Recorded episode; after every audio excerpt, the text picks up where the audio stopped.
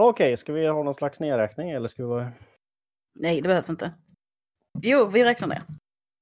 Tre, två, ett. Två, ett. Hej och välkomna till Kultsekten! Kultsekten!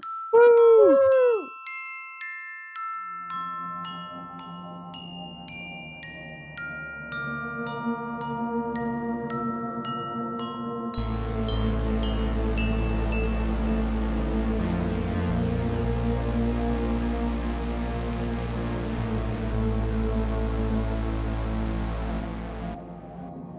Känns som det var jättelänge sedan vi spelade in. Det kanske inte var superlänge sedan. Jo, det är, jätte, det är helt jävla sjukt länge sedan är det. Det är typ september eller någonting.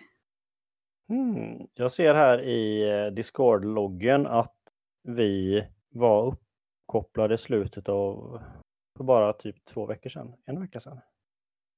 Men det var ju för att vi drack öl och pratade. Det var inte för att Ah. vi spelade in. Ja, ja. har jag glömt? Vet du vad jag har tänkt på? Nej. Att det är lite oartigt ändå att inte presentera sig när man pratar med någon. Är det inte det? Mm. Jag tänker man säger så här kultsekten så är det att presentera sig. Men vi kanske ska säga våra namn i alla fall. Ja, det kan vi göra ibland. Eller Mm. vi kanske ska göra det varje, vi kanske ska göra det varje avsnitt till och med. Det är någonting lite så här mänskligt i det på något sätt. Ja. Alltså Okej. så här normal mänsklig interaktion. Som visar att man inte är en eh, demonfru eller en häxa. För att ansluta till eh, dagens prat. Ja, Eller det är ju för sig så att just Marianne inte kan ljuga om sitt namn. jag tänkte just säga det, att säga sitt namn, eller det här med att säga sitt namn är ju någonting som den häxan verkligen gör. Men jag, mm. Du heter Henrik Johansson och är författare och bor i Malmö. Mm. Men Eller gud vad det låter officiellt. Men jo, det är ju så. Det är faktiskt sanningen. Ja, jag tror det. Och jag heter Anna-Maria Olsson och eh, Jag är lite osäker på hur du vill yrkestitulera dig själv. det är som att jag har gjort för många konstiga saker på för många konstiga sätt. Så jag kan liksom inte... Jag såg på Facebook så här, att det vänta, någon vänta, som... vänta. eh, Jag heter Anna-Maria Olsson och jag är arbetslös kan jag säga just nu. Det är Ja. ju lätt och tydligt och bra. Mm, Mm. det är det verkligen. Mm. Jag är ganska långt från arbetslös just nu, säger jag med ångest i rösten. Nej, men eh, Mm. jag fick eh, en- ett bokmanus igår som jag ska översätta. Mhm. Jag trodde, det, var, ju- det är ju bara en fördel att jag får det nu, men jag trodde jag skulle få det om en vecka. Men på något vis Ah. gör ju det att, att jag fått det gör att jag känner mig mer stressad och känner att jag borde börja.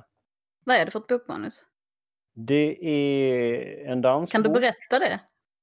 Ja, det, vet du vad? Varken förlaget eller författaren har gått ut med detta. Så vi kan, jag kan hålla det hemligt, det är sant. Glöm allt vi har sagt hittills. Jag- Jag tror att, att du kan ändå gå ut med att du ska översätta en bok från Danmark. Eller? Måste jag klippa bort det? Nej, nej, det kan vi säga. Nej. Det kan vi säga. Mm. Hur är det med dig då? Det är rätt bra. Mm, det är rätt bra. Jag är lite så här, tycker att det är lite tradigt att det är höst och sånt. Det är så jävla mörkt. Men eh, så är det ju. Men eh, nu kanske vi ska prata om Marianne istället. Vi har börjat se en ny serie. Yes. Eller- och, eller ny- och, var, och varför serie igen? Ska vi berätta det? Lite? Jo, Eller? men lite att eh, vi är lite slöa kanske. Tänker jag. Ja, men slö och slö. Jag vet, men jag känner så att eh, med eh, corona och allt som ändrar sig hela tiden och allt som man ska en, liksom, uppfinna nya lösningar och så. Att initiativförmågan och uppfinningsrikedomen är liksom lite slut hela tiden. Mm. Jag tror, jag tror det är därför, för min del i alla fall, det var så länge sedan vi spelade in. För jag känner så här, jag måste tänka ut så himla mycket hela tiden. Jag orkar inte tänka mer. Men det var också så att innan corona, när vi skulle se en film liksom, Mm. så räckte det ju att en av oss hade filmen, eller hur?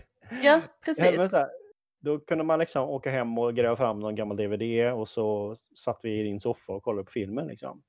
Ja. Nu, nu måste vi i så fall se till att jag också får filmen eller att du också får filmen. Och ja, Mm. Nu är det bara Netflix-serier istället. Ja, jag tänkte vi ska ha lite, det finns ju en hel del skräckfilmer på YouTube också som vi skulle kunna titta på. Mm. SVT Play har lagt upp ganska mycket gammal skräck. Ja, jag har sett det. Mm. Ja, nu, det är ju bara åtta avsnitt i Marianne. Serien vi ska se. Och det blir ingen säsong två. Men så att den är inte, det är inte jätte, det är ju liksom fyra gånger vi kommer podda om den. Ja, Om, så, så det är ju inte jättelänge, men vi kan ju se om vi vill spränga in något emellan eller om det är rätt så skönt att inte behöva fatta beslut. Och bara Mm. titta och spela in. ja, exakt. Och vi kör två åt gången alltså. Ja, så till denna gången har vi sett de två första avsnitten av den franska skräckserien Marianne. Det var liksom så ovanligt och roligt också att inte bara höra svenska eller engelska. Jag tänkte just fråga det, ställde du, hade du franskt ljud på? När du såg den, Ja. det hade du? Ja. Det är synd att missa den stämningsskaparen. Liksom. Ja, Jag, jag fattar inte franska alls, men jag har ändå det på franska. fattar enstaka ord. Och så blir man påminn om enstaka ord när man ser den. Liksom. Det finns Mm. vissa ord som jag uppskattar mycket. Ett ord i den här serien är mun på franska. Bosch. Bosch. Ja, Alltså, nu, jag tror det stavas B-O-C-H-E. Ja, de är, och jag, det- mitt, mitt franska uttal är ju inte heller speciellt bra kanske. Men, ja. Men sen är det också en sak som alla säger och skriker i de två första avsnitten som är ekry. Just det, skriv. Som är skriv. Ja, det är roligt Mm. också. Det är inte... man pratar om franska så brukar man liksom prata om att det är den romansens språk ungefär. Ja, nu är ju Mm. inte det här någon romantik vi ser precis, men ändå. Men där finns ändå lite så här gotiska inslag och gammal arkitektur och storslagen natur och Mm. skogar och dimma och... Ja. Jag, jag, tänkte faktiskt på det också i förhållande till väldigt mycket annan skräck. Alltså, det är så mycket skräck som är, ja, men som är den här, det- hon reser liksom från storstan till landet. Hon reser från Mm. en, eh, det är inte något fokus på det, men en modern lägenhet och ett flådigt eh, innerstadskontor till, eh, inte ruckel, men slitna hus på landet och, och sånt liksom. Det är nästan Finns som en genre som är, skräck. eller, finns det ingen liksom kromad skräck? Då menar jag inte Kristin då, men Eh, alltså det, men det är nästan som en genre i sig eller en, en trope, det här återvända hem. mm, Alltså så här att man, man har en person som är uppvuxen i någon liten by och sen så tar den sig därifrån och sen måste den av något skäl återvända hem. ja. Det är jätte, jättevanligt och det är väl också för att det är någonting ganska skrämmande för många att man har, alltså man har slagit sig fri och sen måste man tillbaka och konfrontera sina Mm. gamla demoner. Och det är ju det, det hela det denna serien handlar om är ju hennes, Ja. alltså att hon måste konfrontera vad, vad hon var innan hon, för hon är en jättekänd författare, framgångsrik och översatt Ja. till alla möjliga språk.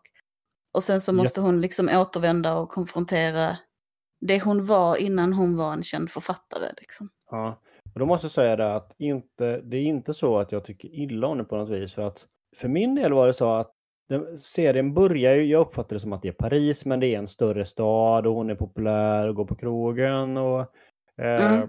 det är jättelånga köer för att få in hennes bok och flådiga kontor och sånt liksom.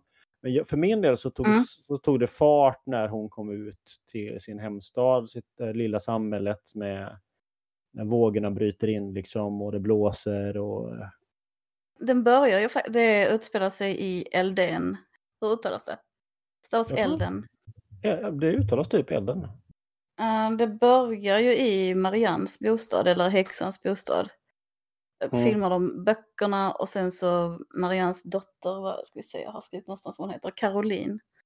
Och hon liksom går och ser sin mamma stå böjd över vasken. Jag Ehm, förstår att, du, att det behövs skrivas upp för att hon kallas ju av sin mamma för Katrin väldigt mycket. Och jag har inte riktigt förstått varför, men det, det upp- Framstår... hon säger fel namn hela tiden. Ja, kanske har hon haft två barn, jag vet inte. Det eh, får Mm. vi väl se. Jag har sett denna innan, men som vanligt glömmer Mm. jag ja. I, I alla fall så står mamman böjd över vasken och, och så här pratar på hon låter så himla aggressiv och bara det är väl inte så svårt att gapa. Och då så är det sig själv hon pratar med på ett Mm. otroligt rått sätt. Och sen vänder Ja. hon sig bak mot eh, Caroline och då står hon och drar ut sina tänder med en tång och säger detta är till Emma. Liksom. Ja. Och Emma är den författare vi följer. Ja. Väldigt snygg öppningsscen. Och hon, den här eh, mamman, tanten, hon är så sjukt jävla läskig. Hon är sjukt obehaglig. Hon är... Alltså, ah! Den närmsta jämförelsen tycker jag är liksom Kathy Bates.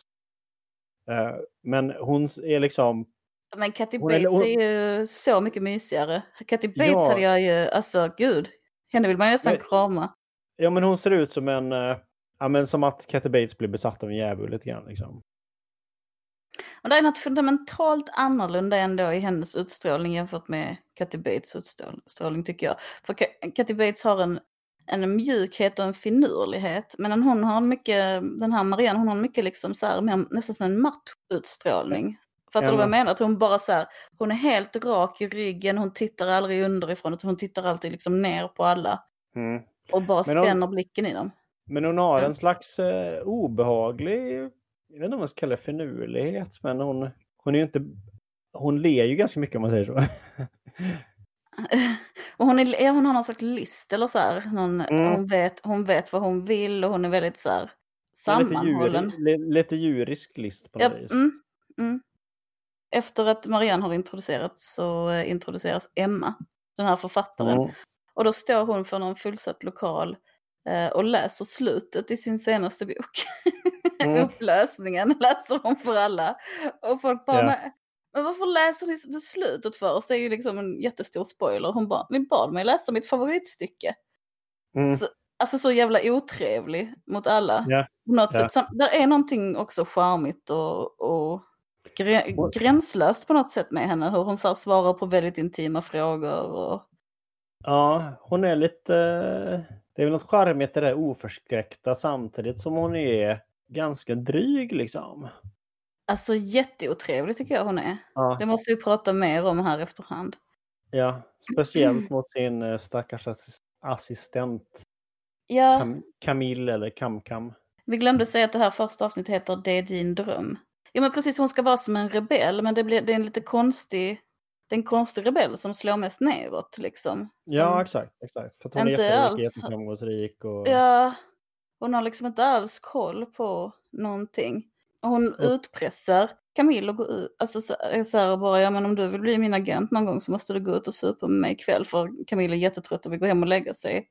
Mm. Men Emma har inga vänner så hon typ, hon är liksom, är som en jävla bully och bara tvingar Camille att vara hennes vän. På ett Ja, sätt ja, som är visst. helt, alltså jag hade bara, jag hade slutat det jobbet direkt. Jag bara, alltså, Visst, och sen när hon, när hon ska skjuts, de ska åka till, de ska åka till elden senare, nu går jag för Mm. handlingen till Ja, men förväg. det, heter, de- det heter kapitel 1 när de gör det och det heter för att i avsnittet så kommer det kapitel så står det så här kapitel 1 Caroline och då åker de till Mm. elden. Nu får du berätta. Och, och då sitter hon liksom, hon ska sova i baksätet medan Camille kör bilen. Och då sitter hon och s- typ slår henne, spett, smätter henne på öronen. Liksom extremt drygt. Ja, knäpper henne på huvudet och öronen så här riktigt hårt med fingret. Alltså det är ju inte, det är Mm. inte misshandel men det är ju obehagligt som fan. Och jag blir helt så här bara, men gå, gå ur bilen, liksom parkera bilen och gå ur. Jag tar inte det. Men Camille är så här, liksom långt brunt hår, stora ögon, runda glasögon. Hon är liksom någon sån här, Hon är någon slags uh, lydig assistent, sekreterar, uh, stereotyp lite grann. Man säga. ja, Shit, vad det lät konstigt. Ja. Börjar spöka i kanalen. Jo, vi, jo, men det är ett par grejer vi inte sagt kanske. Eh, Ja, säg dem. Jo, Emma är skräckförfattare och eh, det framgår ganska snart. Hon skriver liksom om... Hon hade mardrömmar när hon bodde i, i sin, upp till tonåren i elden. Och, men de här mardrömmarna försvinner när hon börjar skriva om Marianne. Och kampen mot Marianne så att säga genom den här eh, sin bokhjälten eh, Lizzie Lark typ skrivit tio böcker på tio år eller någonting. Och det Mm. blir jätteframgångsrika. Och jag fattar som att Lizzie Lark är en, en, en person som gör motstånd på ett sätt hon aldrig har gjort. Mm. Att hon Mm. liksom upp, uppfinner någon som kan stå upp mot Marianne. För, Ja. Men på så vis så beskriver hon och uppfinner också hela tiden Marianne. Ja, Alltså, så hon ger ju Marianne en massa energi. Och Marianne finns på riktigt, men den här Lizzie Lark, den manifesteras liksom inte riktigt. mm. Jag vet inte om eh, det jag är egentligen inte så noga med en symbolisk eller tolkning här, men en sak som jag tycker är intressant och som man, som man, sätt som man kan tolka det om man vill är ju att ofta så pratas det om helande skrivande och terapeutiskt skrivande och man skriver liksom för att ta itu med sina demoner. Mm. Vilket hon på sätt och vis gör, men det är samtidigt så att hon är lika mycket skriver fram sina demoner. Mm. Och, Precis. Och, eh, och, och demonen så att säga vill ju att hon fortsätter skriva. Och Ja, precis. Det är där det kommer där. Ekry! Ja, som alla säger. Ja, Ja. det är häftigt. Men jag, jag tror vi har glömt att, att Caroline tar sig till eh, Paris, eller var de nu är, den här storstaden. För att hämta, på, på Mariannes begäran, eller sin mammas begäran, hämta Emma. Mm. För att Emma ska komma hem och skriva. För att Emma har eh, dödat Lizzie Lark i Mm, den senaste boken. Så försökt avsluta serien. Först kommer hon till, till någon sån boksignering och ger Emma en, eh, en hudpåse, en sån här liten häxpåse med Mariannes tänder i. Mm. Och sen dagen efter så kommer hon till ett kontor som påminner lite, kommer du ihåg det här tryckeriet som vi var på? Just det. Skulle, vi, Ah. nej, vi, var, vi var på tryck, tryckeri för att kolla på papperskvalitet när vi skulle göra en bok i våras. Och då var vi i en Mm. lokal som påminner väldigt mycket om det. Det var en sån här stor trappa som gick upp och så var det så här lyxigt och stort och så massa våningar man kunde se uppåt. Och i en Mm. sån lokal, fast mycket större och lyxigare, är de. Och Caroline eh, hoppar ner från den översta våningen och hänger sig. Mm. Nu, I, inför Emma. det finns lite missförståndaktigt så här, eller det, det bara åh, hon kommer och ställer min mamma och läsa dina böcker. Så bara, åh, roligt, Mm. hon är ett stort fan. Så här, "Ah, du fattar inte, hon är fanatisk och Ja, eh, hon, hon, hon, är, hon, liksom. typ hon är Marianne eller tror att hon är Marianne och Carro säger att hon tror att hon har dödat hennes pappa liksom och att hon tänker döda henne nu liksom. Det, och innan dess, innan dess har Emma också drömt en mardröm om Marianne. När Marianne har varit i hennes sovrum. Och bara så här Mm. krupit under sängen typ och sagt ge mig din fot. På ett jätteläskigt sätt. Det gillar Mm. jag. Jag Mm. drog upp mina fötter jättemycket i soffan och jag bara, "Ah." Någonting med det. Det som sticker ut från sängen. Det är en sån barnslig, barnslig skräck liksom som sitter i. Ja, ja, ja, ja. ja. Men när, första gången som Caroline säger Marianne till Mm. Emma så blinkar det något i bild. Såg du det? Ah, nej, jag, inte, jag tänkte på det. Men hon För har jag- ju lite här lysande ögon. Nej, men det är inte det, utan det blinkar in en helt annan bild. Jag hinner inte se vad det är och Det är sen lite som att man försvinner är det. sugen på att leta rätt på det och... Mm, jag, jag försöker gjorde, försökte göra det, men jag fick inte rätt på det. Jag kunde, hinna, kunde liksom inte pausa i rätt millisekund. Men jag, Mm. jag tittar bak flera gånger, jag är helt säker på att det är en. Och det återkommer då och då, att det blinkar in en annan bild väldigt fort. Mm. De första två Mm. gångerna är när någon säger Marianne och den tredje gången är när Marianne är i bild. Okej. Jag tror, det är jätte, jag tror det är ett Ah, väldigt bra sätt att vara läskig. Alltså lägga in sådana bilder som, på äckliga motiv som är för snabba för att man ska hinna riktigt se vad att det är. man liksom fångar dem undermedvetet fast... eh, ja, spännande. Ja. Men Och- det är efter, det är efter detta som, som ehm, de bestämmer sig för att åka till elden för att Caroline sa också att Marianne hade hotat hennes föräldrar och Alltså, exakt, Emmas föräldrar. Emmas. Mm. Mm. Och Emma får inte tag i dem. Så den sa, vi Mm. måste bara åka och kolla att mina föräldrar är okej. Ja. ja. Hon, ville, hon ville absolut inte tillbaka. Hon gillade inte sina föräldrar och, och verkar knappt ha varit i elden sedan hon drog för 15 år sedan var det va? Ja, när hon sa så att jag har inte träffat dem. I, i, i julas för två år sedan var sist jag såg dem. Alltså det är så att de är verkligen, Mm. de ses inte ofta. Och hon tvingar ju med sig eh, Camille då ju. Eh, Jag är lite, eh, jag vet inte hur du tänkte, jag är lite, ibland lite, jag är lite konfunderad över Camilles roll i, i serien hittills. Jag tycker att eh, ibland känner jag att den är oklar, jag vet inte riktigt. Ibland känns det som att borde hon vara med egentligen eller inte liksom. Jag förstår att hon är med i början på något vis för att visa Emmas personlighet. Sen efterhand, ja jag vet inte riktigt. Det är överhuvudtaget ganska mycket, det är väldigt mycket fokus såklart liksom på Emma. Men det, det är ganska många olika karaktärer som Mm. passerar förbi. Man säger att serien kan gå åt många olika håll. Jag gillar det, jag gillar att det är mycket folk. Mm. Eller jag, jag brukar tycka om det. Det har vi inte heller sagt, på tal om mycket folk, att det är ju den här första natten när hon har, man får se när hon har mardrömmen. När hon vaknar på morgonen så har hennes pojkvän lämnat en lapp att han drar. Mm. För han pallar inte med att hon alltid bara är full och aldrig dyker upp när hon ska och aldrig bryr sig liksom. Det framgår ju också att hon super ganska hårt. störde du dig på det? För hon sitter där vid boksigneringen när Caroline kommer så sitter hon med en sån här, du vet, sån här pappersmugg med lock och sugrör. Ja. Ja, Och så sitter hon och sörplar som att hon suger upp det sista i botten hela tiden. just det. Det, det är Mm. det ljudet konstant. Jag hatar när man gör så i film. Alltså man hör att hon dricker upp det sista. Sen dricker hon upp det sista. Mm. Sen dricker hon upp det sista. Skitstörigt. Någonting, Mm. jag, jag hänger hela tiden upp mig på sånt. Och bara, ah, va, va, vem har fyllt på den nu? Jaha, var det slut igen? Ja, men jag, jag stör mig faktiskt lite på dess drickande överhuvudtaget. Alltså på det Mhm. sättet, jag menar sättet hon dricker när hon är ute, ute med Camille också.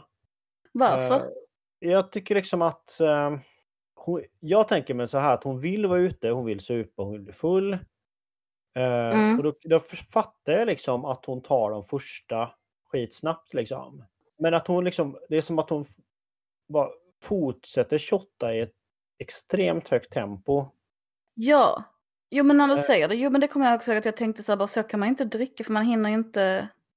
Men det är klart, vet man så att jag tål 10 shots så kanske man bara tar dem snabbt. Men Mm. jag blir också så här bara, men det här är ju ett recept på katastrof på ett konstigt sätt. Alltså det är inte, ah, Ja, men även om man går ut och vet att man vill bli full så tycker jag inte det är det sätt man dricker på. Liksom. Men, ja. nej. nej men det var lite konstigt. Det var för att på något sätt för visst hon super inte för, det är inte socialt liksom. Utan Nej. det är, det, det är en drog. Absolut. Men nej, jag, jag tyckte då- inte heller det funkade riktigt. Då finns det ingen poäng med att dra med sig Camille. Men kan, nej, nej. Nej, var hon, varför hon är så himla inne, men hon vågar kanske inte vara själv. För att hon är väldigt inne på att Camille ska vara med och sen verkar hon inte uppskatta henne för fem öre. Men, men hon vill liksom sova i bilen. Jag kan tänka mig att det är sånt här att det är svårt att sova själv, mycket mardrömmar. Så är det tryggare att sova när Camille Mm. är där, när hon inte är ensam. Alltså, jag vet. Ja, I alla fall kommer de fram till eh, elden och stannar bilen och Emma går ut på en pir. En sån här Mm. grå betongpir som går rakt ut i, hav, alltså, eh, i havet som en, en vågbrytare eller någonting där det liksom slår upp Ja. vatten mot. Och jag, jag brukar alltid gå ut på pirer. Jag älskar det. Alltså, Mm, det är fint. Det är fint. ja vad det är. Och det är alltid, de har aldrig några staket ju, eller så, utan man är liksom alltid så här, ett fälsteg så är man ner bland stenarna eller i vattnet. Liksom. Ja, exakt. Så är man krossad och drunknar. Superdramatisk känsla alltid. Och Jag gillar där, det som kommer, fan. där kommer det ut eh, en präst med en aggressiv hund som skäller på henne. Yes. Där, och det är ju också en sån klassisk pryl att djur reagerar, vilket får mig att bara, men är hon besatt liksom? Hon är väl ingen Mm. häxa? Eller varför, vad skäller hunden Eller? på henne? Fattar du vad jag menar? Ja, och prästen säger också det. Hon bara, men liksom lugna din hu- hund. Och prästen bara, men han reagerar instinktivt på dig. Mm. liksom, att liksom, prästen är jättetaskig mot henne. Ja, Alltså hade verkligen, hon- han bara så här, stick härifrån och du borde inte ha kommit tillbaka och försvinn Ja, igen. alltså så här, och verkligen, alltså vidrigt välkomnande. Där senare jag- när hon, ja förlåt. Kritisera hundskådespelaren. Jaså? Ja, men den håller på att vifta på svansen samtidigt som den skäller och ska vara aggressiv. Det är ju Oh, det klart, missade dub- jag. klart dubbla budskap från den hunden alltså. Nej, det, nej, och det är ingen så här riktig polishund som de har. Och, Nej. Alltså för det är ju en chef och jag brukar alltid reagera på det där. Som de kan, Mm. som kan ha sånt, ja men det är polishundskallet och det har den ju verkligen inte. Den skäller ju som en, den skäller ju som en glad hund. Mm. Men, eh, fel i vad det.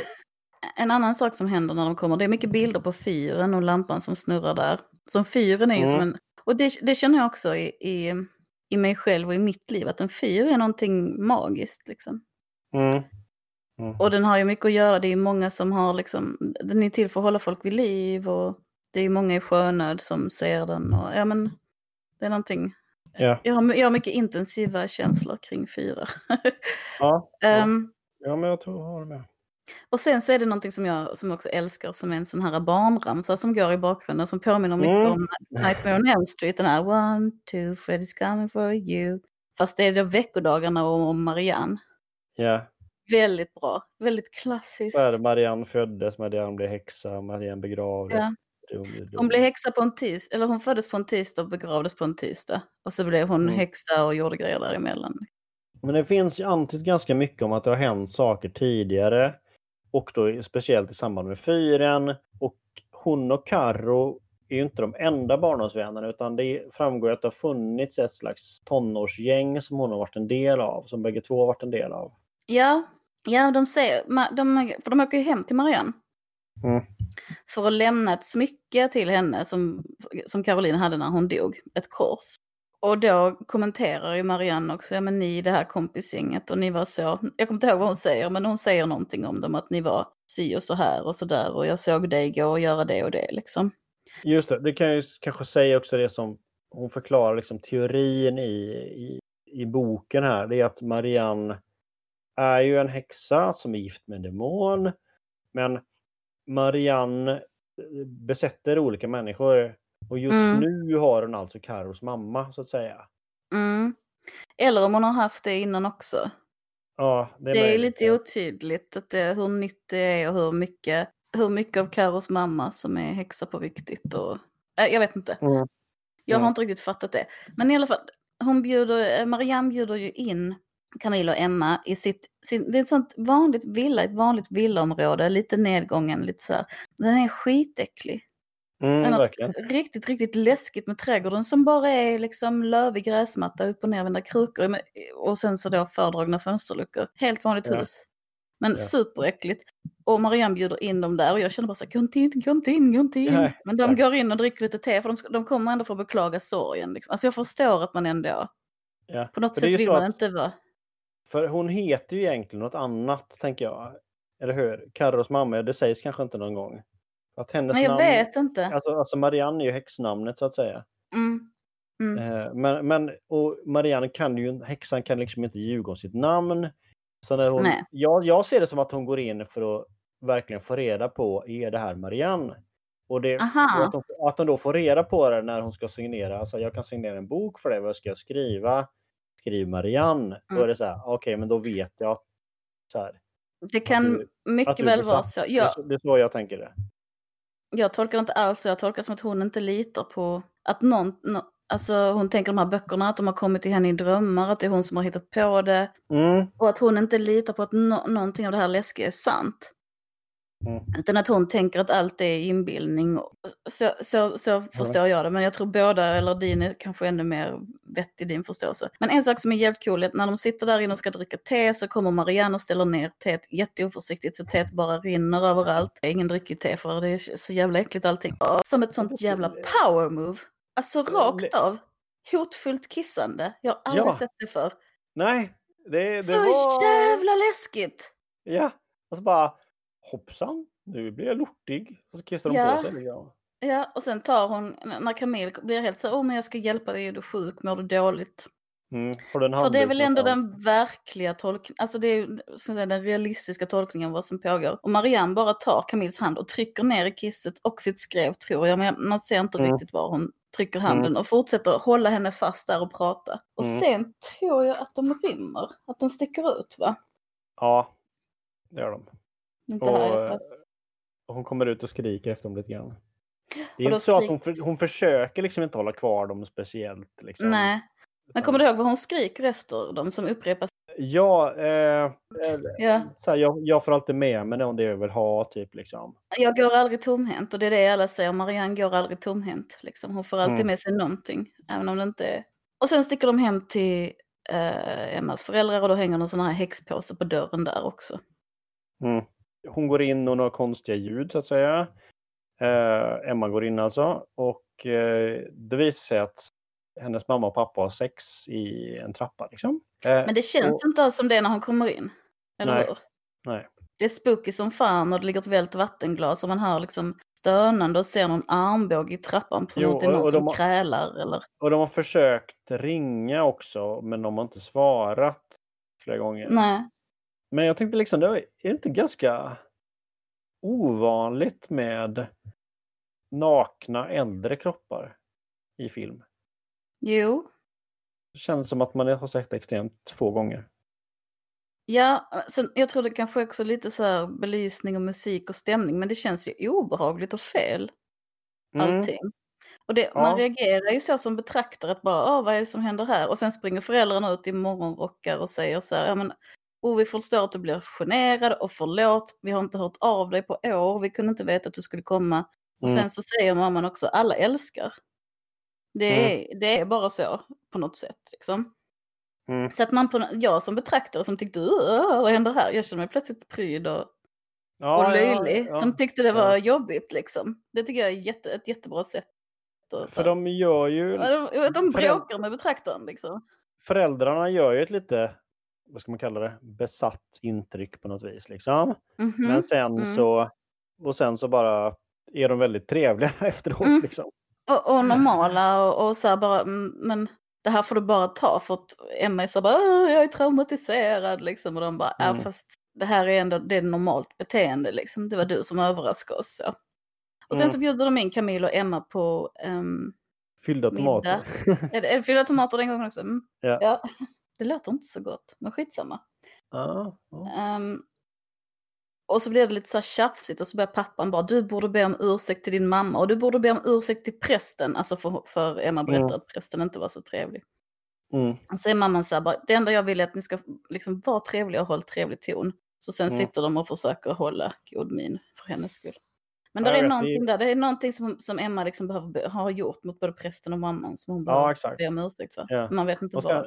Men sen är det också, jag vet inte om man själv säger så som förälder ibland, liksom. Nej, men det är lite så här, nu ska vi ha trevligt. det är någonting så här, så här, nu ska vi ha ett trevligt och fridfullt samtal. Så bara, det, det blir det ju aldrig då. Jag skiter i dina jävla känslor. Ja. Lite. Men samtidigt kan jag förstå mamman, så, ja, men vi, vi ses vartannat år, kan vi bara få Måste- äta en middag ihop? Vi, det, vi kommer inte lösa Måste vi- någonting. Liksom. Måste vi sitta och gräla den här? Ja. Exakt. Och Ka- Camille säger det efter maten, så här, du sa att dina föräldrar var otrevliga, men de är inte alls otrevliga, de är bara ledsna. Liksom. Det, Mm. det är också en snabb... Ah, jag tycker alltid folk är så himla snabba att ställa sig på föräldrars sidor. Men, men Har du- visst, är det, visst är det en... Ja, i min Netflix-översättning så står det typ så här. De är bara sorgliga. Så här liksom. Men alltså, bara, fast det, det, det är inte det de säger. Nej, sorgsna, ja, säger de, ja, jag har för mig att det står sorgliga. Men ja, Okej, ja, men jag Ja, tolkar ja, som ja, ledsna. Eller ja. ja, jag tolkar Mm. också som ledsna. Ja. Mm. För det, det handlar inte om att de är patetiska, det är inte alls det hon säger. Nej, exakt. exakt. Nej. Sen på natten så går Camille på toaletten och då är det någon som är där och rycker mm. vid dörren och det är lite konstigt för hon bara åh, här är upptaget. Men de, de, det är ingen som säger ursäkta utan man bara hör dem gå iväg igen. Ja, och sen så när... eh, Och det, när Cam går igenom huset här på natten, det här är ett sånt där typiskt franskt hus på landet som är så här... eh, Det känns som att delar av det kanske är från 1700-talet. Alltså, Nu har jag min mick. Nu har vi mick tillbaka igen. Ja. Mm. Mm, Det, äh, arkitekturen är ju, alltså det är som att det är väldigt gammalt och sen är det mycket sådana här fula lampor med fransar. Mm. Som, så typiskt fransk landet inredningsstil. Vi, jag och, Mässingdörrhandtag på toaletten. Ja, precis. Och allting är så lite konstigt. Vi, min sambo och mina barn och jag, vi hyrde ett kråkslott väldigt likt Just det där. Ja. för, Mhm. förra sommaren i Frankrike. Och det Mm. var, var det är väldigt samma känsla. Och där var det också så att man, vi hittade inte någon toalett på övervåningen. Det var också ett hus från 1700-talet. Mm. Eh, och sen så någon dag när jag kollade, eller dagen efter när vi hade så här, bara okej det finns bara en längst ner. Så tittade jag in i en garderob och det var där en, en toalett inne.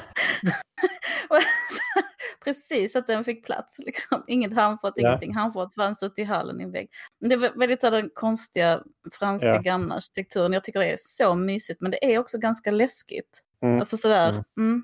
I alla fall så tittar hon, där är en exakt likadan trappa som det var i, i huset som eh, vi hyrde, om en mycket fräschare. Ja. Alltså den vi hyrde Ja. var mycket Ja. äldre och söndrigare. Men Aha, skitsamma. Ja. ja, ja, ja, det var mycket, alltså det var i, i sämre skick. Inte bättre Mm.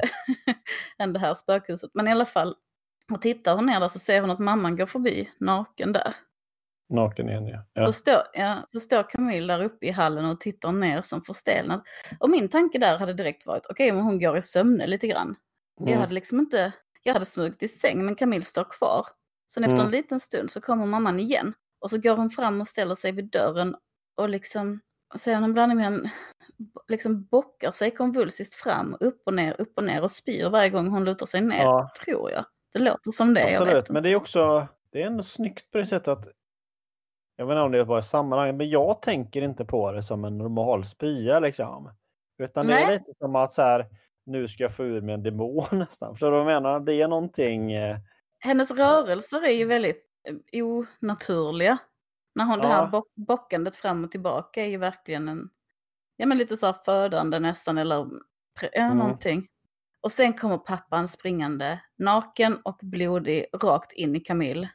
Ja, Och upp puttar omkull henne. Ja.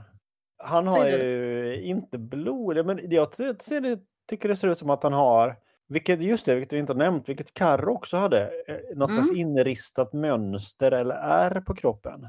Alltså in, blödande inskurna symboler ser jag det som. Ja, ja Absolut. typ ja. Mm. Mm.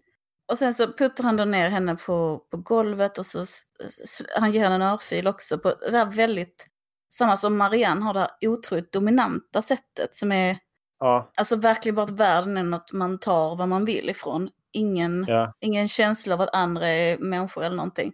Och så tittar han på henne jätteäckligt och så säger han, det här är inte vi. Mm. Åh, det gillar jag. Då är det som Det är det Marianne. verkligen. Ja, men det är också för att, för det, det är det motsägelsefulla i det så att säga. Förstår du vad jag menar? Mm. Eh, ja, men säg så här att de är besatta. Okej, vi säger de är besatta Mm. på något vis för av Marianne. Eh, Mm. och springer fram och slår henne och allting liksom. Men att samtidigt förklara att vi är besatta. Ja. För att det är inte vi är ju inifrån den verkliga Ja. personen så att säga. Mm. Ja. Ja, men det, är jätte, det är jätteläskigt det här dubbla, att det inte riktigt går att förstå. Det påminner lite om David Lynchs Lost Highway. Så är Mm. där, är där en, en jätteäcklig, jag vet inte vad han är, demon eller magiker eller person, som kommer fram till någon så säger han I'm at your house. Och så Mm. bara insisterar han så för det, jag är hemma hos dig, ring. Ring och kolla. Och så till slut ringer personen och då svarar han som är där på festen, då är han i huset. Alltså det, så här, det går inte. Och det är så Ja, jävla ja. äckligt tycker jag. Ja. Mm. Men, men sen i alla fall, sen så eh, kommer Emma upp och föräldrarna springer ut i skogen. Ehm, och Emma springer efter och där ute i skogen skriker hon äntligen förlåt. Liksom hon är, Mm. det är någonting hon ändå är ledsen för. Och sen Ja. kommer pappan och slår omkull henne eller slår henne medvetslös kanske till och med och skriker "Eh, skriv igen, skriv liksom. Ja. Och sen tar det slut. För min del så kommer det liksom serien verkligen igång när de kommer ut på landet. Liksom, eller det lilla samhället. Men vad tyckte du? I, I staden var sådär. Liksom, tyckte jag. Tycker du det? Jag tyckte det var kanske- det väl skitläskigt när hon hängde sig och det här var- men mardrömmen var- hon har. Absolut, men det var så mycket omkring det som var det där konstlade författeriet och Mm. som var det, det var ja, men det var ju väldigt mycket liksom det var transportsträcka till vi kom till den verkliga platsen där allting kommer hända. Lite så. Ja, lite grann. Men Mm. jag tycker ändå det, det var inte så det var inte dött liksom. I Mm. avsnitt två så börjar det med att, ehm, att Camille ringer, eller att telefonen ringer och Camille svarar in i det här franska föräldrarnas hus liksom. Mm. Eh, och så är det någon som säger, men larmet gick för att det är ett larm, det glömde jag säga. Eh, och så säger han jag vill bara kolla att allt är okej och hon svarar liksom otydligt och så. Och då blir den här, eh, den här säkerhetsvakten som ringer, han blir så här bara, okej, men jag ringer polisen och samtidigt stannar vi på linjen, eller jag ser till att polisen blir underrättad och samtidigt stannar jag på linjen här med dig. Inte alls för att hon säger att här är inbrott eller någonting, utan bara för att hon är förvirrad. Mm. Vilket jag tyckte kändes ganska skönt. Alltså, det känns väldigt Mm. tryggt att det var någon som kommer ordna upp situationen. För den som ringer vet ju egentligen inte att hon bor där.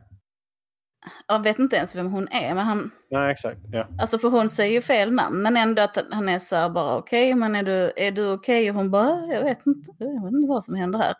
Så att, han bara, okej men då ringer vi polisen och så till polisen kommer dit. Är du ensam i huset? Och hon bara, ja jag tror det nu, ja. Så här, för Emma är ute i skogen. Så säger han, gå och stäng dörren. Mm. Så att du är liksom instängd och, och ta hand om henne liksom. Och hon går Mm. och stänger dörren och så säger han, och så vänder jag om.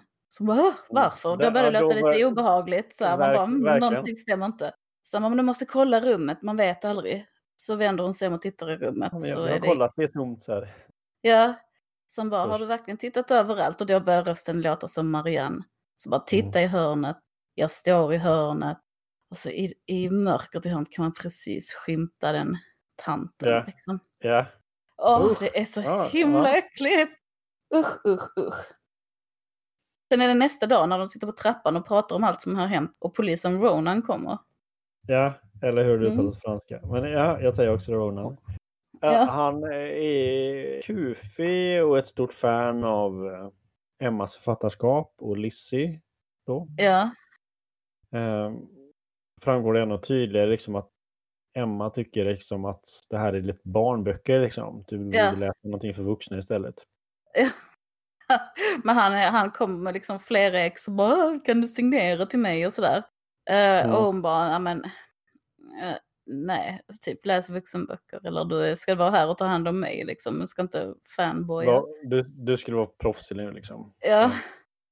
Och sen så säger hon att hon vill då att Marianne, de kallar henne för hennes efternamn, men jag, jag kommer inte ihåg vad det är, eh, ska tas in till, till förhör. Mm. Eh, Och han bara, ja, fast det som har hänt är bisarrt, det är inte brottsligt liksom. Alltså, och då börjar hon så här muta, bara, men jag kan skriva hela långa stycken till det. Jag kan göra jättelånga eh, Mm. personliga brev i början av varje bok. Och då tar polisen in Marianne till förhör på grund av det. Ja, men gör han det? Det är jättekonstigt. Ja, det gör han för sen, sen, sen så väntar de utanför Marianne.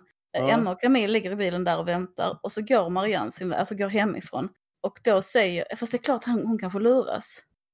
Men i alla fall, då, sä- då säger, säger Emma så här bara, men han gjorde sitt jobb, nu är hon borta ett tag och så gör de inbrott i Mariannes hus. Mm. Och under tiden har också kommit en ny häxpåse på dörren, just det. Ja. Eh, och det är som då snuten får med sig. Eh, men han, nej det kanske är efter inbrottet. Han är ju också så här, eftersom han är så märklig så tänker man då kommer han vara med mer i serien. Det är lite Ja. som att han eh, flörtar lite med henne också, eller hur? Kanske, Eller så är han väldigt, bara, väldigt, sätt. väldigt fanboy-aktig. aktig. ja. Ja, Jag vet inte, men han kanske flörtar lite. Han är i alla fall inte helt naturlig med henne för att han, han erkänner liksom att ja, men det finns ju ingen polis ute i elden liksom, utan han kommer från stan men han kunde inte låta bli när han hörde att det var Emma som Mm. var brottsoffret liksom. Ja. Eller, bara det känns ju fel.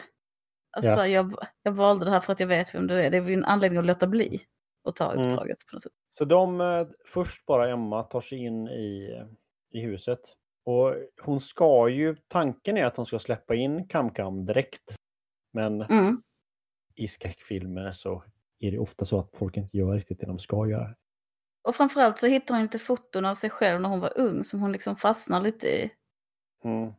Ett foto på Caroline när hon är, är hängd typ, alltså, eller en förlag av att det kommer att hända. Och sen ett foto på sitt gamla ungdomsgäng. Mm.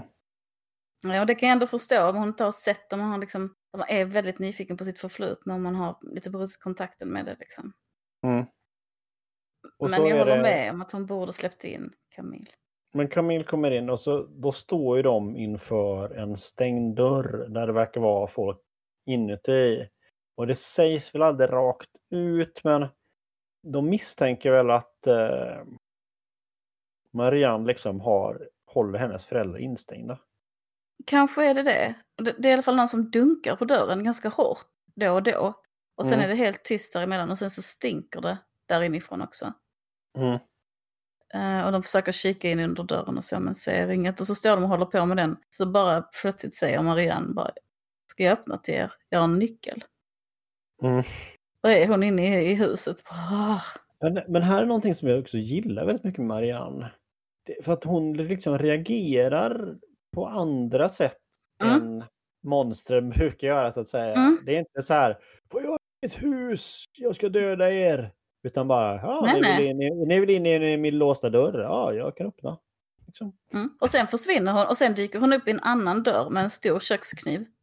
Ja, Och börjar skära sig i tröjan och de bara frågar "Vad- gör du? Hon bara, jag skadar mig. Så bara står hon så här och liksom sågar med kniven genom alla lager av tyg och in i armen och blodet börjar rin- rinna. Hon bara står där och sågar helt intensivt och stirrar på dem. Det är li- mm, lite som kissandet, alltså så här, mm. igen, en jävla power move och skära sig själv. liksom, Och så, alltså, antyder, så antyder hon ju att hon på något vis typ ska säga till polisen att ni kom in till mitt hem och skadade mig. ja, ja, precis. Ja, det säger hon ju, att jag, att, eh, jag ska få berätta för polisen hur ni kommer att skada mig. Lite grann som att det är deras fel att hon skär sig också. Jag tror, jag tror Ja. att eh, hon också kör sitt igen, ekry! Skriker Mm. det till Emma Mm. och så flyr de väl. Och sen är Ja. polisen ute och kör och är, all, jättekufig, tappar sin cigarett, håller ut bevis, han har tagit den här häxpåsen som, en sån bevispåse, sitter han och tittar på den och håller ut den genom fönstret medan han kör aggressivt och tutar på folk. Ja, typ ser ut att vara nära att krocka med någon och är, Ja. är extremt dålig bilchaufför. Och, och på alla sätt märklig. Och så kör han till en häx, en, en magiaffär där han tydligen då känner expediten. Mm. Där finns det ju i vanliga fall så att säga, det finns massa krimskrams. Ja, Men, Ja. men här, uppenbarligen så är den här häxpåsen the real thing. ja. Det här är Ja, för han säljer så här liksom- ap, aphänder där man kan få en önskning för varje finger man böjer och olika berlocker och amuletter och sånt. Liksom. Mm. Men han verkar inte Mm. själv ta det han säljer på så stort allvar, men han blir jätterädd för häxpåsen. Och säger att den, den gör en sårbar för svart magi. Mm. Eh, och är väldigt så här, hon är dömd. Mm. Vilket känns som en dålig magiaffärsinnehavare. Och när, när sen ehm, polisen vill ta någon sån här skyddsamulett, någon helgon eller någonting. Så är han helt så här, eh, alltså affärsinnehavaren också bara, ja men tar du den och det kommer inte hjälpa. Och så här, bara, har du ingen stark, känner inte du till någon stark magi liksom? Nej, för att man Att han vet är bara- vad som är farligt. Men ja, Ja. exakt. Jag känner så här, borde, borde han inte veta någon man kan ringa eller något? Alltså finns det ingen lika, ja. Det finns ju ändå, ja. Ja, det finns ändå vet, folk som eh, tror att, eller som, ja. Nej, jag, jag vet inte hur mycket jag ska säga. Ja, fast jag vet Men inte alltså- riktigt. Ja, men jag tänker liksom att det finns här. Alltså det är väl också skönt att det är inte den gamle vise i butiken som bara Jaha, men du måste ringa Jan-Olof som bor i det här träsket och han kommer hjälpa dig med sina ännu mäktigare amuletter. Nej, nej, alltså där är ju någonting väldigt bra i- Eller att inte han inte... Nej, men jag förstår. Men, mm, Ja. Jean-Claude. Någonting hos mig är också frustrerande i hur han tycker att allt han har att komma med är skit. Mm. Jämfört med häxpåsen. Alltså för mig som, varför har du en affär då liksom? Varför? Uh, och du tror på detta, du måste ha någonting mer än bara... Det är som att man startar en, eh, stan, att man startar en delikatessaffär så tycker man att ingenting man har i butiken är gott liksom. Ja. ja. Ja, så- precis. så kommer- nej, och tog du in de goda oliverna? Oh nej, vi har ingenting som kan mäta sig med dina oliver. Nej, nej, Mm, det är lite så. Ja. ja. Samtidigt så är det ju bra. Och det är han, han menar ju att det här spelar i en annan liga än det jag håller på med. Men Mm. mm. Sen är det kanske också så att han blir rädd för att inte vill ha med det att göra. Jag, jag är liksom inte emot att det blir så, men jag reagerar ändå på det på något sätt. Det, det är nog Nej, jag, men jag måste erkänna att jag tycker att ehm, det finns flera grejer i serien som är återkommande så här där jag tänker, men varför funkar det så här? Och, borde inte, ja, det är lite så här, det är lite väl mycket, det är en del så här luckor ibland känner jag. Som är lite, Jag tror det är en av de grejerna som jag verkligen gillar med denna serien är att det är lite mer som i verkligheten, att saker inte stämmer och inte funkar och inte har något Ja. skäl. Alltid. ja. Men Jag jag, gillar jag, jag kan hålla med om att det, att det finns, här är det, det är den här dramaturgiska kurvan och sånt som är, star, är väldigt mycket starkare i många andra serier till exempel. Mm. Ja, eller starkare på det sättet att den är lite, det är lite, ja du fattar. A går till B och sen gör B och C det tillsammans och brum, brum, brum, brum, brum, brum, så går det liksom på så här, en linje allting liksom. Det är tydligare Ja. var man kommer ifrån och tydligare vart man är på väg i många Mm. andra berättelser. Ja. Jo, Mm. absolut. Men jag tror som sagt det är det jag gillar. Att det är motsägelsefullt och rörigt och många... här andra avsnitt så dyker upp väldigt mycket folk som Mm. potentiellt sett skulle kunna ha någonting att göra med handlingen. Men det verkar också osannolikt att alla dessa människor ska ha någonting att göra med handlingen. Liksom. Mm, ja. Vi får ju också träffa, hur många är de? Fyra pers i hennes, deras gamla gäng liksom. ja. Men på tal om det som du Mm. säger Mm. nu. För det, de, efter, ehm, efter att polisen har varit um, i magiaffären så får man bara se när Emma går till ett skeppsvrak på en klippa vid stranden. Eller ett, en, inte ett skeppsvrak, de kallar det vrak, men det är väl mer en... Alltså det är inte En en, gammal förlis. båt liksom. Ja, Alltså, den är inte en li- förlist som man tänker ett vrak. Det är inte en li, det är inget stort skepp utan det är. Men där är bänkar i den, den och så, så hon sätter sig som i en eka fast större. Sätter sig där och eh, dricker öl. Och så kommer Aurore dit, en av hennes gamla kompisar. Så Mm. det är en jätte, jättejobbigt samtal dem emellan. em, som bara känns ångestfyllt. Och en massa Mm. saker de inte kan prata om som handlar om ifall Emma ska gå till Karolins begravning och hon säger nej, ska inte. Och Aurora verkar tycka att det är fel. En av vårt gamla gäng har dött, du är här. Och så ska Ja. du inte gå på begravningen. Och jag kan förstå att det känns Absolut, även om det... om det finns annat också under och man känner sig, men det här är någon sorg vi kan dela och man kan aldrig dela känslor med dig. Och sen så Mm. bara är personen fortsatt avstängd. Jag kan förstå att Aurora går igen. Hon sätter sig inte och Mm. fikar där som hon hade tänkt på deras gamla plats, utan hon, hon Ja. går någon annanstans. Men då blir det ju så att hon hamnar på begravningen ändå. Ja. För hon ser sin pappa naken på golvet och säger att hon orsakar smärta genom att inte skriva i en dröm, tror jag först. Eh, Mm. Och sen ser hon Marianne ner i ett hål i marken. Också Mm. tror jag är en dröm. Skrikande Ja men det här hålet har ju dykt upp tidigare också. Mm. Det är någonting med Ja, detta hål. precis. Ja. Det är mm. någonting med det här. Det ser ut som en brunn fast lite mindre. Och så Mm. står Marianne bara där nere och tittar upp. Mm. Eh, just det, Marianne eh, är också ute och kör och går hemma i sitt villaområde och går ur bilen och är liksom muckar med ett barn som står och petar på en död trut. Och Mm. säger till barnet så här bara, du kommer också bli så här en dag. Du kommer också vara död så här. Och sen spottar hon truten i ögat. Mm. Och sen så tror jag hon går och sätter sig i Emmas bil, eller om Emma på något Ja, sätt hamnar i hennes. Jag fattar inte hur det gick till. Nej, det, jag också. Det är därför jag lite tyst här nu. Jag har också funderat på hur hamnade de i samma bil egentligen? Ja, men på något sätt hamnar de i samma bil Ja. för när Marianne ska åka till, till sin dotters begravning. Mm. Och sen kommer hon och, och Emma då dit och då är alla så här bara, oh, kommer du nu? Ja, vi har redan börjat och gjort ljusceremonin för att, ja men för vi visste inte om du skulle komma och du, liksom, du är sen. Och sen går Marianne och Emma fram till Caroline i kistan och då spottar Marianne i Carolines öga också. Mm. Det är Men man- äckligt på något sätt. Men, men man, det är inte Det är filmat på ett sätt så att man... Eh, det kan vara så att de andra i kyrkan bara ser hennes rygg liksom. Det är inte så att hon Mm. tar sats och loskar liksom, utan de släpper. Nej, nej, de andra ser, hon böjer Ja. sig ner över kistan. Jag tror verkligen bara det är Emma som ser det. Vilket också är Ja. lite så här abuser. Mm. Nu har vi en hemlighet här du och jag. Liksom. Ja, men bara, det är bara Emma som hela tiden kan se. Alltså det blir lite så här gaslighting. Emma kan bara se Mariannes ondska, ingen annan ser det. Alla andra Mm. ser bara en sörjande mamma som går fram till sin dotter. Mm. Eh, men sen så går, sen är de nere vid den här båten igen, eller vad heter Emma är. Och då kommer hela gänget där och då är de liksom så här, gud vad fint att du tog med Marianne eller hennes mamma till begravningen. Och, Ja. eh, liksom hon, de bara så, åh vad fint, tror att Emma på något sätt är.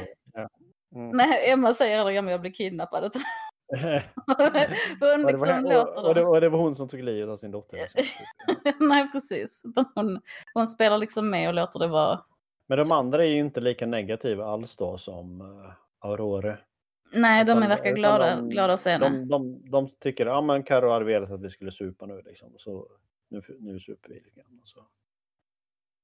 Jag är ju också uppvuxen vid havet. Jag kan känna igen det här med liksom, där man sitter och dricker vid vattnet och pratar. Det är något speciellt. Jo men det, jag, har sagt förut, jag menar att, jag, att hav och vågor kan man liksom sitta och se på hur länge som helst utan att tröttna. Mm. Liksom. Det är liksom nästan att vila ögonen på. Jag älskar det. Men det är liksom det är fem i det gamla gänget som sitter där nere i alla fall samlade och sen kommer Camille också dit. Ja. Och Emma är skitfull. De, de har någon tradition, den här, det här kapit- eller den här, ehm, det här avsnittet heter ju det något sånt. Det är tradition eller något i den stilen. ja. Ja, då säger är de att det, det är tradition att dricka den här jätteäckliga spriten och bara shotta den som fan tills solen går ner. Det är vad de brukade göra liksom. Mm. Eh, och Emma är jättefull och ligger på marken och berättar för Camille hur kära alla killarna är i henne på olika sätt. Mm. Fast det kanske är mer hur de var när de var ton, tonåringar och det kanske Ja. inte är riktigt sant. Nej, och det, det, det, det framstår väl så i alla fall att, eh, att hon säger, oh men han kanske blir någonting mellan mig och honom nu fast det blev aldrig någonting när vi var unga. Så bara, jaha, han har visst en fru liksom nu. Och så här, okej. Ja ja, men exakt, det är som att hon inte fattar att det har gått 20 år fastän Aurore säger det till henne flera gånger första gången de pratar att det har gått 20 år. Liksom. Saker har Mm. ändrats. Jag, är, jag går inte Ja. omkring och är olyckligt kär i samma kille som jag gjorde. Jag har inte gått likadant i 20 år liksom. Nej, Och, ehm, och ja, killen som, som, hon förväntar, som Emma förväntar sig ska tråna efter henne har en fru. Och...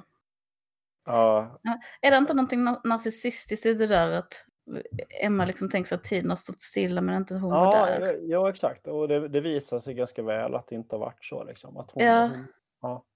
Och folk Absolut. säger och om igen. Men jag tycker jag stöter på det ibland, människor som, Mm. som inte förstår att eh, våra liv rör sig lika mycket som ditt liv under tiden du är borta från oss. Liksom. Att Ja, man exakt. får hela tiden förklara att jo men jag upplevde Det också det året men någon annanstans. Liksom. Ja, men lite Att som det- att hon är en hemvändare där. Liksom. Som att hon har varit bortrest i storstan och sen när hon kommer tillbaka så ska så jag åkte iväg och bli rik ungefär. Liksom, säger hon Mm. en gång. Och så Ja. ska alla komma tillbaka så ska hon vara allas idol och alla ska vara kära i henne lite grann. De pratar också, eller det framgår att de var troublemakers och punkgänget när de var tonåringar. Mm. Jag tycker det är lite Eh, sympatiskt. Jag gillar också det men samtidigt kan det vara så här, det är väldigt ofta när man ser punkare eller punkgäng beskrivas på tv som de är, ja men det är den här rebellen med att de slår neråt som Emma gör. Mm. Jag tycker ändå, jag tycker ändå jag har känt fantastiskt många punkare som, alltså okej att det har kunnat vara rebelliskhet som har slått lite vilt omkring sig. Men aldrig att någon skulle vara chef över en assistent och typ misshandla, eller du vet så här, Nej, utan Jag vet, att det känns ganska, eh, snälla mot varandra. Men här så sitter de och super och då, men till slut så börjar de andra gå hem en efter en liksom. Och Camille också liksom. Till slut så Mm. kör en av de yngre, den yngsta killen som Emma tror är fortfarande är kär i honom, kör hem henne liksom. Men, men är inte Camille med också där någonstans och hjälper henne? Eller hur jo, men, till? jo, men hon, Camille går också hem tidigare tror jag. Ja just det, så ligger Emma bara i gräset skitfull och bara "Åh, du är kär i mig och han bara jag är jättekär i dig, kom nu går vi. Liksom, Mm. han är ju inte det men han bara Ja, men han försöker typ vara snäll liksom. Jag är inte 12 år längre liksom. Och hon pratar också om att det var vår verkligaste och bästa tid på något vis. Mm. Fyllenostalgi kanske? Mm. Ja. Mm. Men som att hon Ja. inte har haft några riktiga relationer sedan dess. Så han är lite så här, men hur kär kan en tolvåring vara? Och hon är bara, det är den enda äkta kärleken. Ja. Ja, jag vet. Det känns väldigt Men- sorgligt för hennes del. ja, det gör det. Alltså- det, gör det. Ja. Eh, där men jag undrar liksom om de här kommer vara med sen i fortsättningen eller inte. Ja, det jag inte det. Mm. Eh, När de sitter där i båten så pratar de också om att Emma ska ha skrivit en fruktansvärd artikel om mödrar i skoltidningen. mm. Och, Och och Emma, väldigt, Emma får Camilla att lova att aldrig läsa den för hon skäms så Och hon- mycket. Liksom. hon gör så väldigt stor affär av detta, den här 20 år gamla artikeln också. Liksom. Ja, när hon var tonåring. Jag kan känna så här, men man får lov att skriva elaka och arga saker om sina föräldrar när man är tonåring. Eller Ja. även om man inte riktigt får det så är det ingenting man kan vara sur över i mer än två år. Alltså så, Ja. så Nej, får man nej. bara Ja. släppa det. Släpp det. Men det stora som händer sen på slutet som blir eh, det att när de kommer hem sen på fyllan så börjar hon skriva igen liksom. Ja, Då väcker hon så att säga renässans. Ja, precis. Hon väcker sin döda karaktär igen. Kallar Ja. renässans eller återfödelse. Ja. Eh, Och Camille läser artikeln och börjar anklaga henne lite grann, för hon hittar den på nätet någonstans. Så, hur kunde du skriva detta? Eller om mitt barn hade Nej skrivit men det är ju här. eh, en av de killarna skickar den till henne. Ja, ja, ja, okej, ja. Och hon läser den, fastän hon hade lovat att hon inte skulle. Ja. Vilket ju, jag förstår att man är nyfiken, men jag tycker ändå det är lite, har man sagt att man inte ska så är det ju bättre att låta bli. Och då kan Samtidigt man ju i så fall hålla tyst om det i så fall. Ja, ja, till exempel, eller jättekonstigt att bara så här börja ställa sig på mammans sida. Igen, de vet ju Mm. inte det. Vad, vad har den mamman gjort mot henne? Det här kanske är en liksom, mikroskopisk hämnd kanske med vad mamman eh, har en- utsatt henne för. En helt berättigad artikel. Ja, ja och, och det jag läste tyckte jag inte var... Alltså det var ju mer så här bara... Då är mer Min mamma föredrar... Alltså det var så här, min mamma föredrar trevlighet och samtycke framför egen tanke. Hon är en idiot. Vilket är precis det som jag tror Mm. de flesta tonåringar som är lite bråkiga tänker och tycker. Alltså Ja, ja. helt normal frigörelse. Eller? Ja, jag håller med. Ja, men det är väl också, alltså när det pratas om att hon, eh, är det det här hon ska be om förlåtelse för? Herregud. Är det så här, ja, men, jo, men Mm, det kan man väl mm. göra, men det är ju inte som att hon har, liksom, har bränt ner en kyrka eller någonting. Liksom. Nej. Jag, jag trodde det var, det, när de pratar så mycket om detta förlåt som hon gjorde förr så har jag liksom sett värre saker framför mig Ja, än artiklar ja. i skoltidningar liksom. Ja, precis. Ja, men ja, exakt. Någonting hemskare Typ har man ju förväntat sig. Mm. matsilvret, köpt knark för det eller någonting i alla fall. Liksom. Och sen, men sen så avslutas avsnittet med att det, det som Emma skriver om eh, återfödelse läses upp samtidigt som mamman går naken genom stan med inristade symboler Mm. som blöder på hela kroppen. Det är mycket äldre naket här. Mm, mycket det naket. Mm, det nice. Nice. Ovanligt. Det var, ja. Mm. Och sen tar det slut. Sen tar det slut. Och jag har inte sett längre heller. Jag brukar undvika Nej. det för att i så fall så blandar jag ihop vad som har hänt med olika avsnitten. Jesper jag här. Ja, på sent natt. Mm. Är du färdig? Är du trött? Ja, jag är lite trött faktiskt. Ska vi skita i eftersnack? Det är ju en serie. Vi kommer att ha fler tillfällen till eftersnack. Eller? Jag tror det kan bli bra ändå. Eller vill du säga någonting om vad du tycker? Så här, vad ditt första intryck är?